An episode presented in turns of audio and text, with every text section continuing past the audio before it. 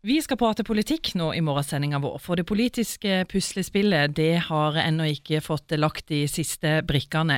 Og Vidar Udjus, du er politisk redaktør i Federlandsvennen. og eh, Nå har altså Senterpartiet signert den rød-grønne avtalen, men eh, de har eh, et forbehold der.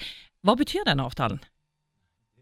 Godt uh, spørsmål, iallfall hva Senterpartiet egentlig mener når de sier at de vil stemme for avtalen, så sant det blir et forpliktende flertall bak den i bystyret. Per nå så ser det jo ikke ut til å bli et forpliktende flertall bak den avtalen i bystyret. Så, men ak akkurat nå så har de rød-grønne 32 mandater bak seg, de borgerlige har 29, og Vidar Kleppe og Demokratene har 10. Så uh, hvis det fortsetter sånn som nå fram mot bystyret, så, uh, så ser det ut til da at Vidar Kleppe får den avgjørende eh, fingeren eh, når det gjelder å peke på den som da blir Kristiansands neste ordfører. For når det gjelder det forbeholdet som Senterpartiet nå har, eh, har, lagt ned, så betyr det at de er avhengig av demokratene eller noen fra de andre borgerlige partiene? Ja, så Senterpartiet, i den betingelsen som Senterpartiet har lagt inn, så betyr det at eh, for at Senterpartiet skal stemme for dette i bystyret den 9., så må det komme over fire representanter til fra borgerlig side. Da vil de ha 36, den dagens rød-grønne blokk. Men hvor de skal komme fra, det, det, det, tror jeg ikke veldig mange ser for seg. Det må enten demokratene sprekke opp, altså fire demokrater gå over. Jeg vet ikke om det, om det, det Jeg har ikke hørt noe som tyder på at det er sannsynlig. Eller så må Venstre og et annet parti gå over. Venstre har sagt at ikke de er interessert i det. Eller så må KrF gå over. KrF eh, sier jo de er en del av den borgerlige blokken, så nei, det er, det er, det er mange flere spørsmål enn svar akkurat nå.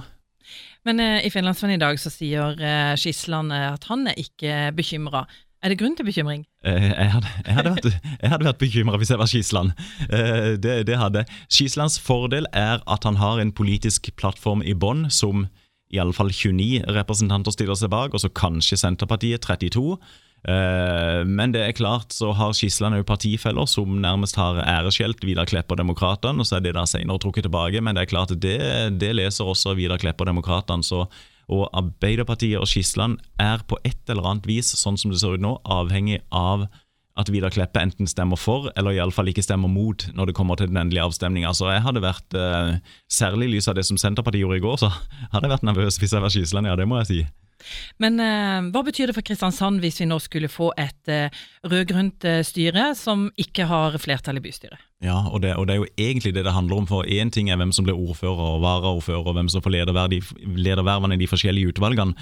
Men det store spørsmålet er jo hvordan skal byen styres de neste fire årene. Eh, og sånn som det ser ut nå, så blir jo det da et mindretallsstyre som bli, kan bli ustabilt i bystyret. Så kan det dannes en ny allianse nå, liksom, når, når, bystyret går seg til og det går et år eller to eller tre. Men, men, akkurat sånn som det ser ut nå, så kan det se krevende ut. Men det Skisland og venstresida antagelig håper på, er at de blir valgt, om enn med et mindretall av stemmene i bystyret. Og at de så får til god samarbeidspolitikk med f.eks. KrF eh, når det gjelder budsjett og når det gjelder satsing på fattigdom, satsing på klima og sånne ting, hvor de vet at de har en del til felles med, med KrF i utgangspunktet. Og Så vil spørsmålet være hvordan KrF eventuelt da stiller seg til det i, i praksis. Men krevende, vanskelig, det blir det uansett. Kommer Vidar Kleppe i en eh, drømmeposisjon? Absolutt. Og, han, og det, det, store paradokset er jo at de to store partiene lovte jo i valgkampen å ikke, eh, ikke gi Vidar Kleppe innflytelse. Og sånn som det ser ut nå, så, så, er det jo han som virkelig bestemmer hvem som da blir ordfører og, og, Kleppes ti representanter vil også kunne da sørge for politisk flertall i de neste fire årene, hvis de da eh, blir forhandla med, noe jo de to store partiene har sagt at ikke de vil. Men det er klart de har ti stemmer i bystyret framover òg, så han, han, vil kunne utgjøre en viktig blokk framover. Hvis ikke da et mindretallsstyre kommer til en overenskomst med et av de andre partiene og derigjennom sikrer, sikrer flertall.